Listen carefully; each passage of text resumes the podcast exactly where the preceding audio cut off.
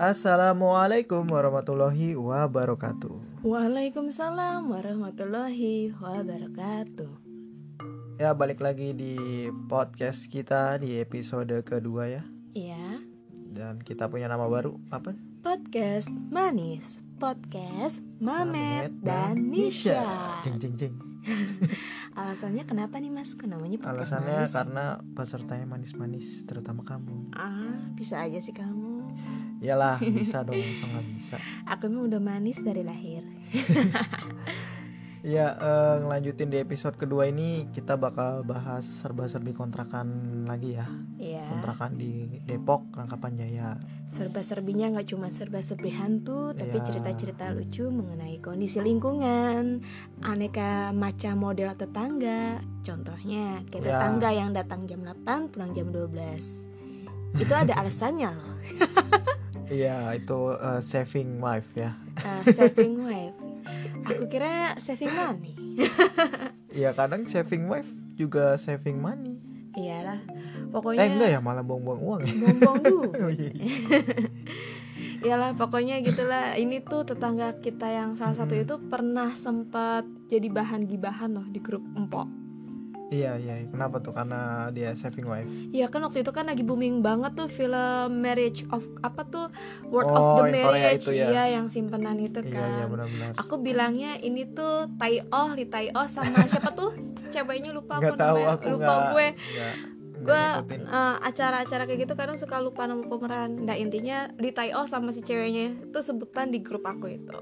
Sampai member tuh pada penasaran. Emang gimana sih model di Oh jangan Kamu kan foto nggak?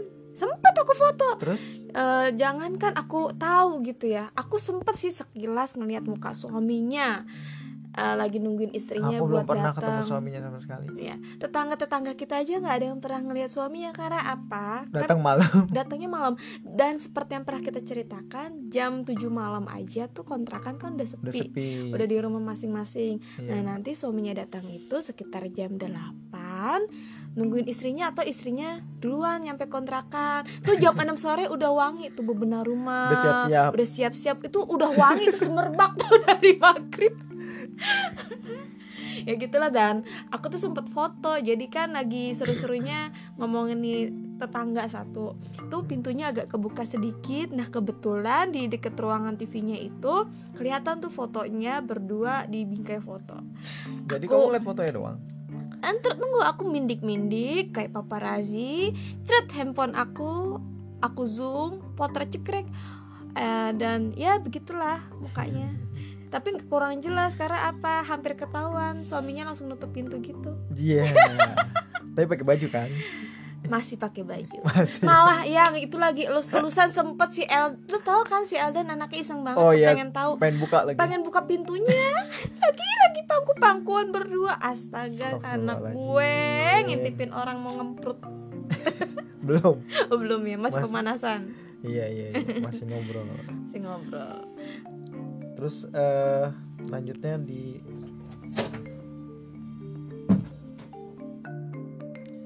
Terus eh, sebelah rumah kita tuh ada ini ya, Bos All Shop ya yang usahanya, usahanya lumayan, lumayan, berkembang. gede uh-uh. dan banyak kontrakan yang dia sewa buat jadi gudang. sultan kontrakan Rangkapan Iya, dia sultan di situlah.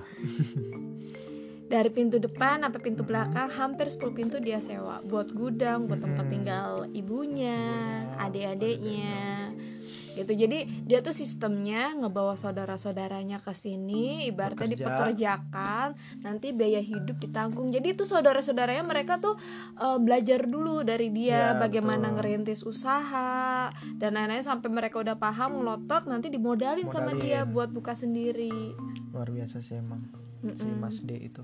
Mas D Dan di, dia punya dua anak ya, temannya Elden. Mm-mm.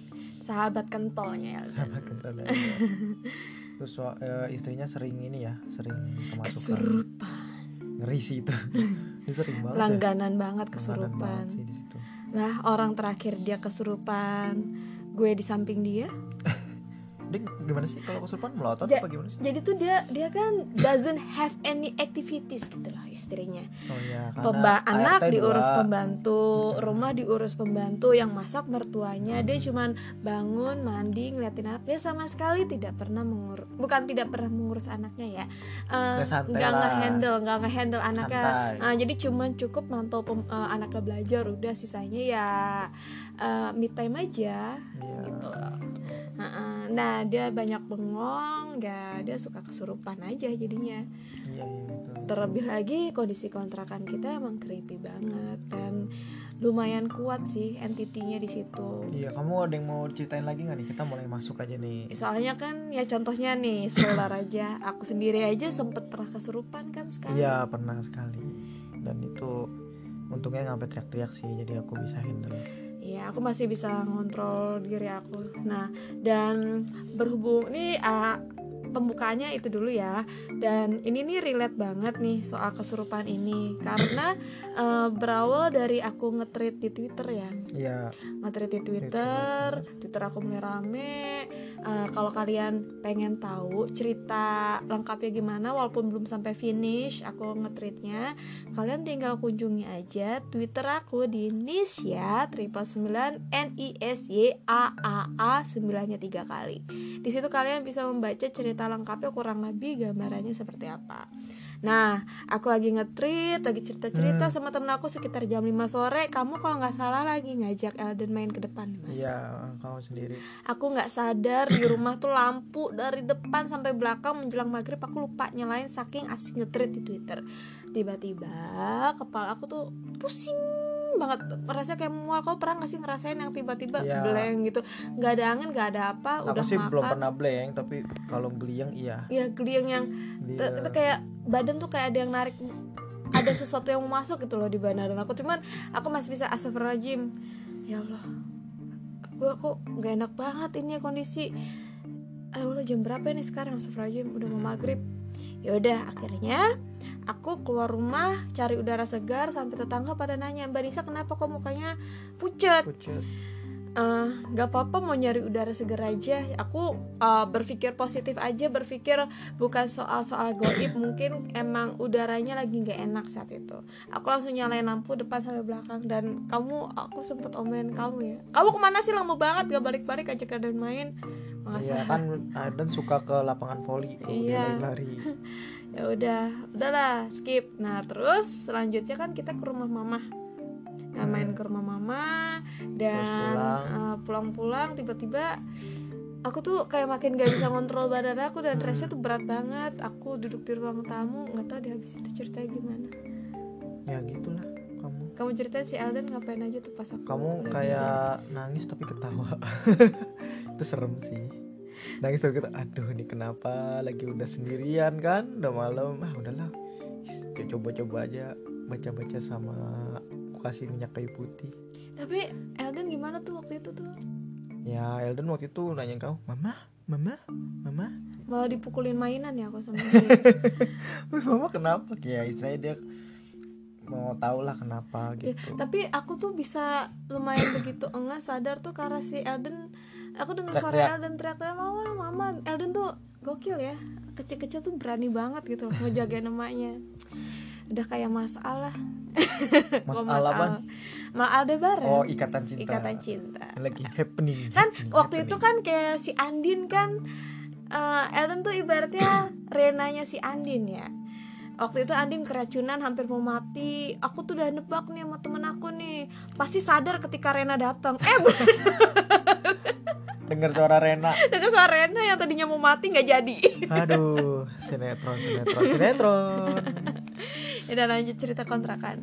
Nah lanjut kalau aku eh, nyambung yang kemarin yang kamu bikin risol ya. Mm-mm. yang udah itu. Kalau kamu bikin risol kan kamu ke belakang tuh untuk ngurusin panci segala macam Mm-mm. aku di depan bersihin eh, bekas adonan lah istilahnya. Ya kan kamu gulungnya di ruang tengah kan. Mm-mm. Pas udah selesai dan aku yang biasanya nyapunya cuma sampai deket pintu. Selipan pintu. Selipan pintu. Aku pojokin gitu. Ini aku buka pintu aku buang dan aku nggak ingat kalau itu sekitar jam 2 jam 3 ya. Jam 3 pagi. Iyalah jam segitu. Udah mau jam dua, subuh jam tuh. tiga, udah mau subuh kan kita kalau bikin selalu malam Sabtu ya. Ya karena harus nungguin Elden tidur Ya. lelap. Jika tidak dia akan ngerecokin. Gak ngerecokin sejauh ini kalau bikin ngelipetin risol dia ngebantuin. Ngebantuin ngepak-ngepak. Ngepak-ngepak. Enggak yang dia tuh bener-bener namanya aku selesai packing dia bantuin masukin Iya, freezer, masukin freezer. ngangkat-ngangkatin. Lucu ya, banget lucu banget pinter banget tuh anak satu. Ya terus lanjut cerita aku. Pas aku udah beres nyapu aku naruh sapu di pojok depan Nah, samar-samar aku dengar suara Ya itu dari arah gudang depan rumah kita. Kamu langsung manggil aku ya? Nah enggak itu uh, gudang gudang sebelahnya yang pohon kelapa yang katanya ada red merah. red kalat litnuk. Gile itu ya di situ ya nggak tahu ya itu dia apa bukan. Yang pas itu lumayan kencang sih gitu. Pas itu baru dia manggil jamusu aku diketawain. Udah lu buruan masuk. Gak usah cerita nenek Oh ya eh, sedikit intermezzo nih. Eh, Sebelum kita rekaman saat ini Kita tuh sebenarnya udah ngerekam selama 25 menit semalam. Ya dan salahnya kita ngerekamnya mungkin tengah malam kali ya. Nih ada cerita sedikit nih. Anak gue tiba-tiba kebangun Dia udah tidur plus padahal dia teriak-teriakan Mama takut takut takut melukin aku sampai tidur. Terus dia kebangun duduk sebentar Mama takut takut hantu dia bilang gitu Nah udah tuh nih anak kenapa?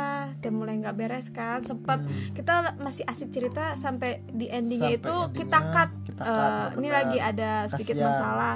kasihan ah, Eden lagi ketakutan. Dan itu kalau misalkan jadi rekaman itu nggak ada masalah itu ada suara teriakan Eden lagi ketakutan. Iya Nah. akut akut. nah setelah itu kita eh, mulai stop untuk rekamannya di save. di save mau di play. Mau di play. Suaranya cuma nggak ada. tiba-tiba hilang. Kresek-kresek di menit ketiga. Dan kita pertama nyalain mic wah micnya nih bego nih gitu. Micnya nih nggak bisa nih gitu. Pas kita tes pakai mic mau kendor mau mau kencang kendor mau kenceng nyambung masuk gitu.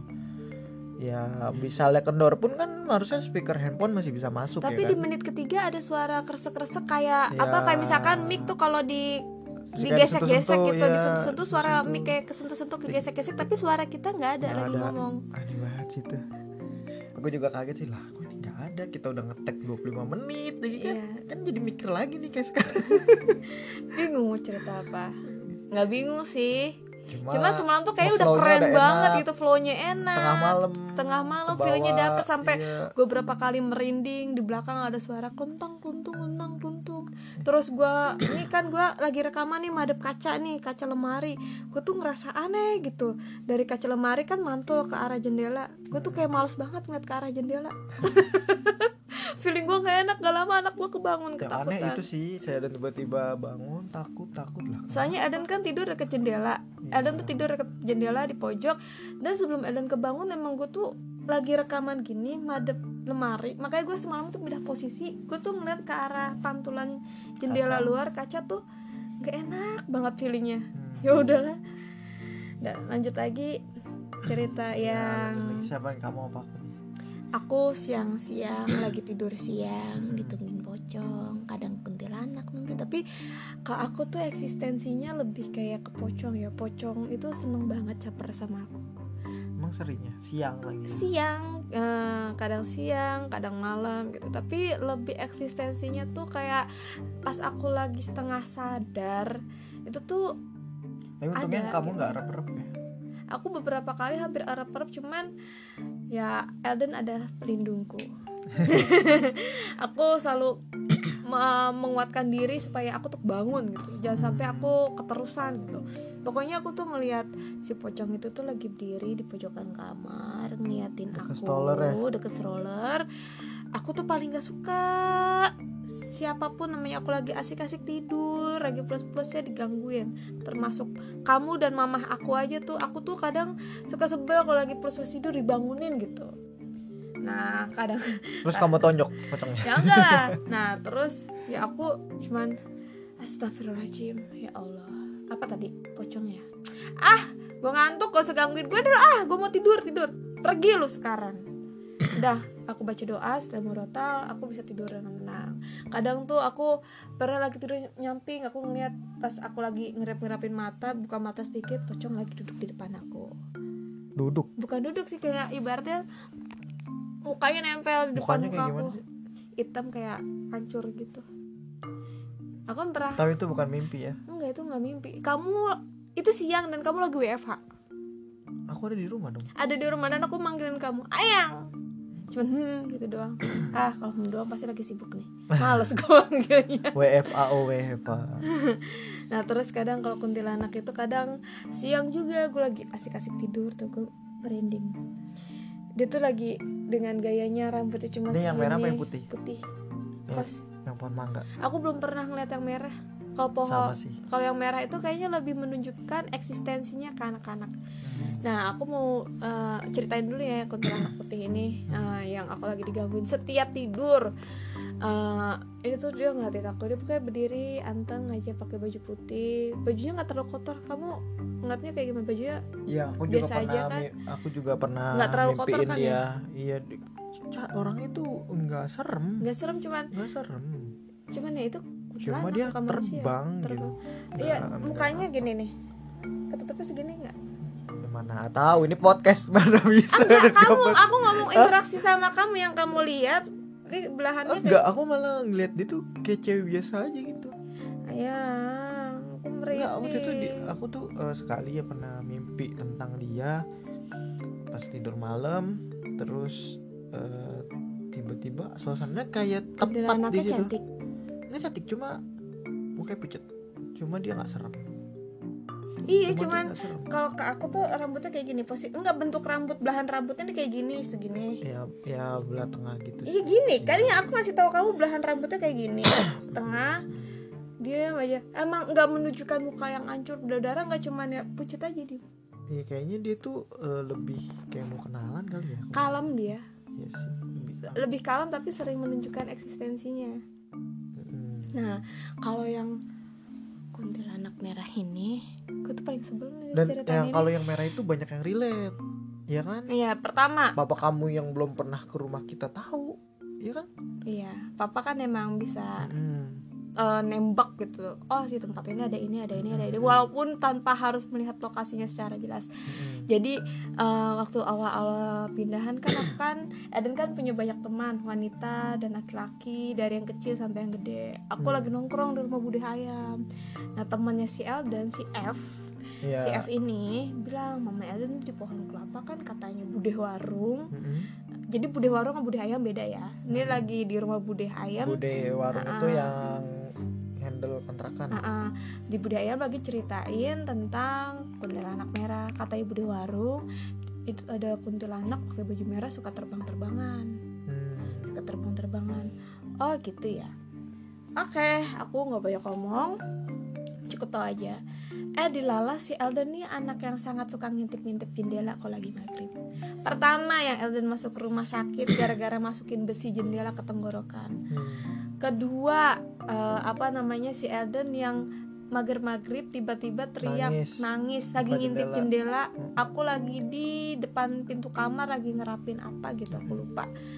Nangis teriak mama takut hantu. Lari ke aku. Nah papa bilang itu tuh ada yang sering gangguin Elden. Pas bapak pertama kali ke tempat kita dan kita nggak pernah cerita kalau ada itu kan. Nah, papa bilang itu tuh ada cewek pakai baju merah, bukan baju merah tapi baju merahnya itu merah dari darah. Matanya berdarah, mukanya hancur, berdarah-darah semuanya dari atas sampai bawah untuk muka sampai badannya. Hmm. Ini paling senang gangguin anak-anak dan usil dan dia suka berubah-ubah wujud. Aduh, kaget gua. Suara pagar. suka berubah-ubah wujud gitu. Nah, dia seneng banget emang sama anak kecil. Nah, ini relate sama cerita tetangga sebelah Ah, kita, kita temennya Elden, si Mas F nyebutnya Ya, lah. Mas Mas F. Eh, dia bilang Dia udah gede dia udah gede dan Udah dia SD. sensitivitasnya juga lumayan tinggi Hmm. sama hal yang kayak gitu Kayak kayak ibunya, ibunya, cuman ha. karena dia anak cowok mungkin dia lebih kuat, kuat. ya heeh. Nah, jadi dia bilang "Duh, merinding lagi mama Elden tahu nggak aku tuh kemarin lagi Mandi. mandi, aku kan mu- muka aku kan kebasahan Sabun. sabun aku mau Hmm. cuci muka aku pedes mata aku eh tiba-tiba ada cewek pakai baju merah mukanya berdarah-darah ngeliatin aku di kamar mandi Iya relate kan. Ya, tapi kalau menurut aku yang paling mencolok dia. Ini lah aku bilang eksistensinya dia senang sama anak kecil. Iseng jahil. Dia jahat sih enggak. Jahil. tapi lebih kayak ke jahil. Kayaknya kayak tetangga kita ya pas abis parkir mobil terus masuk terus keluar lagi. Bawa garam istrinya ya nanya kenapa? Mas kamu ngapain bawa bawa garam bul malam-malam pagi eh. Mau lihat nggak? Ya nggak gini. Aduh gua ngomong jadi gelagep gini. Katanya gini mas kamu ngapain? Pulang-pulang bawa bawa garam bawa keluar gitu. Sini kamu mau lihat nggak? Apaan? Tuh lagi bulan terang bulan itu kata Iya. katanya kan. Hmm, apaan? Ah itu tuh lagi ada yang gelendutan di pohon, pohon kelapa. Tuh kakinya tuh uncang-uncang kaki. Ah udah udah. Gua nggak mau ikut. Sana sana sana. Tuh aku diceritain tuh aku lagi belanja kan pagi-pagi. Diceritain oh, jadi suami aku tuh ngeliat tuh kuntilanak diuncang-uncang kaki di pohon kelapa. Terus dikatain gitu sare Ya kurang lebih kayak gitu. ketawanya gitu ya? Iya. dan aku tuh emang dulu pas mas baru-baru tinggal di Depok untuk ketawa atau burung celepuk ya dulu tuh ya biasa gitu maksudnya terbiasa tapi ketika gua pindah ke kontrakan ini itu bener-bener kayak real banget gitu. Real banget. Dan kayak aku kayak tuh- bener-bener deket gitu. Heeh, kadang dekat kadang jauh gitu Iya. sore dan aku tuh sering banget loh yang kan aku sering bangunin kamu ayang ini ada orang ketawa. Aku tuh suka insom kan Ya, kadang. aku kadang karena lo tidur Ah. plus gue tuh kadang tuh sampai jam 3 pagi tuh nggak bisa tidur kan. Kadang gue tuh lagi asik nonton video-video big hit entertainment untuk melihat pacar-pacar ganteng aku. Malah halu halu nonton BTS halu. kadang sampai pagi tentang vlog-vlognya mereka. Itu dong menara. Apaan sih? Iya yang buat jaringan. Bodoh amat. Ini Kenapa Bangtan Boys yang Bangtan Boys. Behind the scene? Bodoh amat. Aku tuh pokoknya aku tuh sasayangnya si Jungkook lah. Eh sasayangnya Jungkook enggak lah. Nggak paham aku nggak paham. Nggak paham apa. Orang Dah. Korea itu yang bisa aku bedain cuma Siwon sama Lee Min Ho doang yang lainnya Yang- sama. kamu eh Jungkook ini mukanya tuh nggak pasaran. Yang kamu seandainya tahu BTS kamu bisa bedain mana V BTS mana Jungkook BTS mana RM BTS yang sisanya mukanya hampir sama semua. Cuma Jungkook doang yang mukanya bisa dibedain. Dan paling imut dan paling ganteng. Aku jadi bahas BTS deh pokoknya. Pokoknya apa namanya? Pokoknya aku sering tuh jam 3 pagi dengar suara Hmm. gitu kadang gue mau kencing aja padahal tuh kamar mandi tuh di sebelah kamar gue gue minta lu nemenin gue saking gue barunya apa sih kan gue tapi, ngeri ya tapi emang apa ya kadang kalau kamu lagi di rumah mama kamu yang di Ciledug. Pondok Kacang di Ciledug aku keseringan tidur di rumah mama loh karena memang ini cerita kamu yang waktu Uh-uh. itu tidur di kontrakan tuh selama setahun kamu cuma sekali doang ya tidur sekali doang sendiri kali tidur sendiri di situ karena aku dulu kan kerja sering keluar kota kan ke hotel ya kan? Tahu sendiri hotel kan kita nggak tahu itu berapa. Sampai pernah di hotel aku diobrak-obrak lemari sampai keran diputer kita nggak perlu sebut kita nggak perlu sebut hotelnya apa Ya. tapi background hotelnya nanti kamu mau ceritain nggak Ya, itu bekas ya, apa apa pokoknya apa ternyata pas ya ini cerita sedikit gue pernah nginep di hotel terus pas Bekas hari gempa. pertama hari pertama lemari gue goyang-goyang sendiri sama keran itu buka sendiri itu di daerah Padang ya? Itu di di Padang. Dan paginya ketika gua di acara gue ditanya tuh sama orang mas eh, nginep di hotel apa? Di hotel ini mas. Ya Allah mas di situ. Itu dulu pas gempa banyak korbannya. Astagfirullah inisialnya A ya hotelnya. Inisialnya A. dan itu ada di apa ada di apa tuh di junction di hook gitu. Di hook agak besar. Padahal hotelnya keren ya pas aku lihat fotonya. hotelnya bagus. Tapi itu di hari pertama aja sih. Pertama kalau misalnya di hari kedua gue digangguin juga gue bakal pindah gitu. Selain keran ho- eh, keran kamar mandi apalagi nih pintu buka tutup apa gitu emang waktu itu kamu ceritain aku lupa. Lemari pintu lemarinya buka tutup. Sama goyang-goyang. Kayak goyang mungkin goyang kayak gempa gitu kali ya. Jadi kayak ibaratnya detik-detik gempa tuh kayak Iya, gimana gitu gitu kali ya. kondisinya ya. Jadi kayak kayak film apa padahal itu ya? lemari kan deket pintu. Tahu kan? Hotel hotel kan? Ya kamu kayak eh, di situ kamu merasakan dulu mungkin dikasih bayangan saat Mungkin. gempa tuh kondisi kamar itu lagi kayak gimana. Entah Mungkin. keran kebuka atau pintunya goyang-goyang. Itu kalau nggak salah katanya hotelnya bener-bener luluh lantah, lulu lantah ya itu hotel. Rata ya. bener-bener lantah terus dibangun baru. Tapi hotelnya keren sih hotel bintang 5 ya? Bintang 4 lah. Bintang 4 ya Nah, pokoknya Jadi, kamu udah pengalaman sama hotel pengalaman angker. itu sering naik gunung ya kan? Mm-mm. sering ini. Tapi kalau di kontrakan ini this of different feel gitu. Kalau kamu kalau kita sendirian di situ di malam-malam itu beda banget. Kayak aku- banyak yang merhatiin. Tapi aku pernah loh sendirian di rumah pas kamu lagi kayak mulai kan ada kantor. Elden Ada Elden. Gue nyalain lampu semua dari depan sampai belakang gue nyalain, Hmm. TV nyala sampai pagi. Biar ada suara. Iya benar-benar selama kita setahun misalnya kamu lagi Nggak bisa tidur pula aku. misalnya kamu lagi di sana terus aku masih kerja pengen nyusul gitu kan terus kalau misalnya kemalaman kan pasti mau nggak mau aku pulang dulu kan Hmm.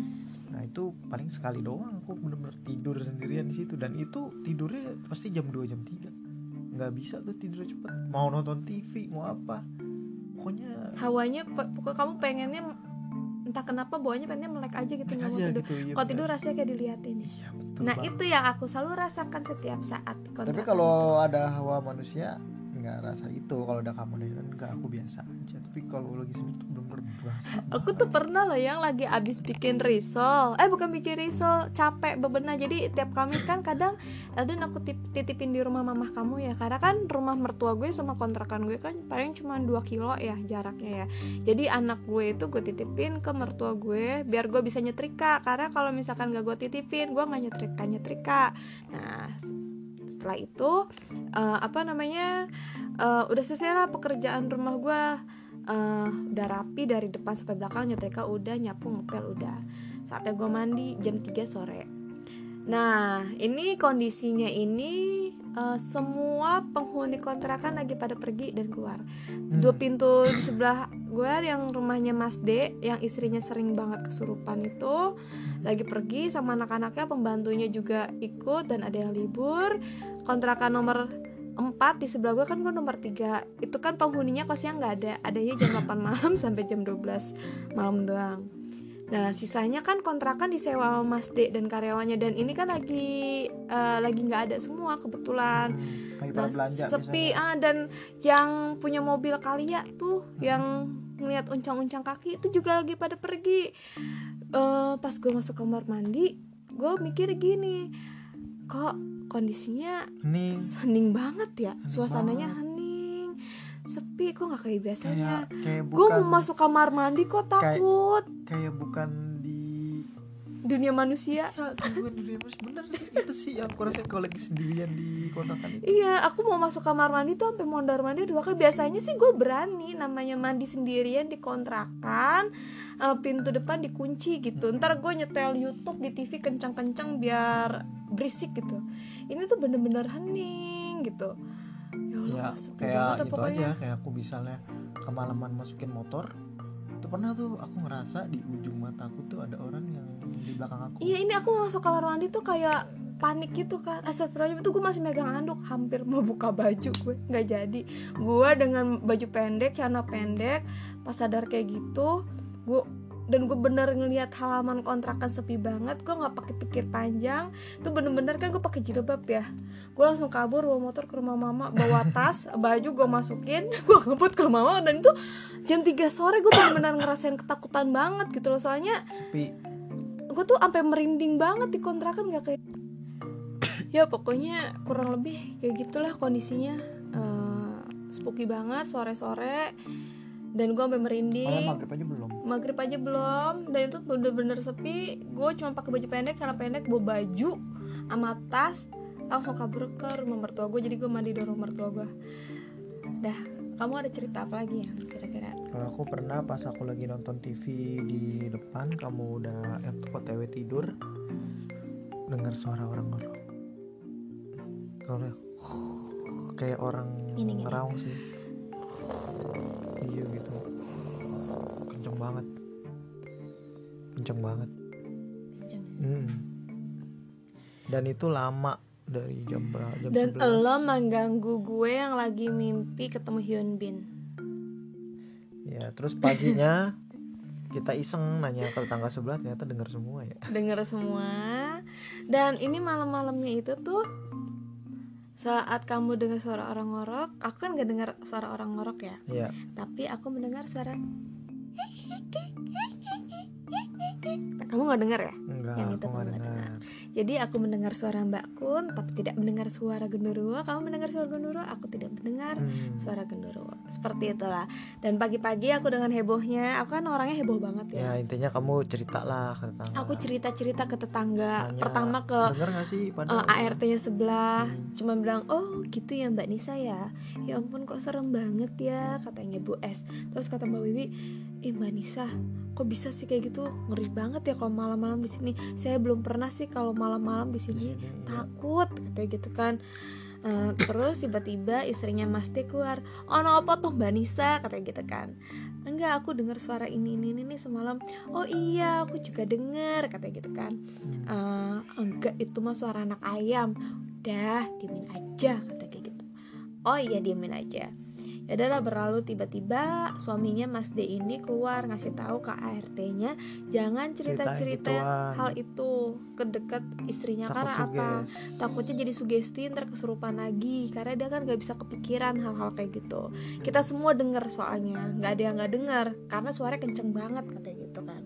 Dan Dah. adiknya dia yang punya kelebihan juga Eh, bilang. adanya Mas D eh, namanya Mas siapa nih? Aku lupa Mas N inisialnya.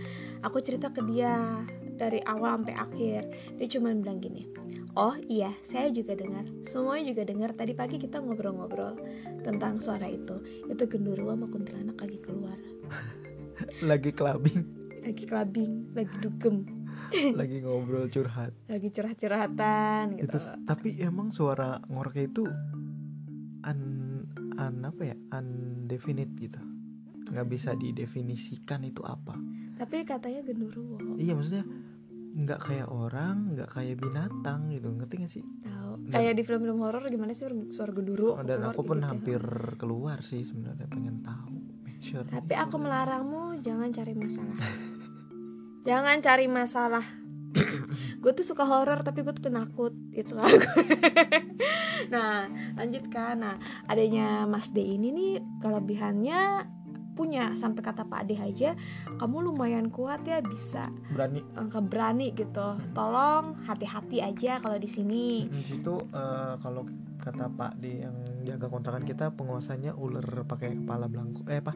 Pakai belangkon ya? Pakai belang ular pakai belangkon terus ada anaknya juga ya? Eh kok anaknya juga kuntilanak ya? itu kuntilanak nggak sama itu anaknya kalau itu ceritanya samar-samar sih soalnya saat Pak D lagi ceritain hal itu gue minta pulang. Soalnya si Pak D nyeritain di depan warungnya yang depannya itu rawa-rawa tempat pembuangan sampah dan ada pohon kelapanya. Gue tuh udah merinding dan kepala gue tuh pusing. Bawaan gue cuma celingak celinguk kayak cemas gitu gimana sih kayak nggak enak gitu. Pak D juga ngeliatin gue makanya eh, langsung gue tarik ayang ayo pulang.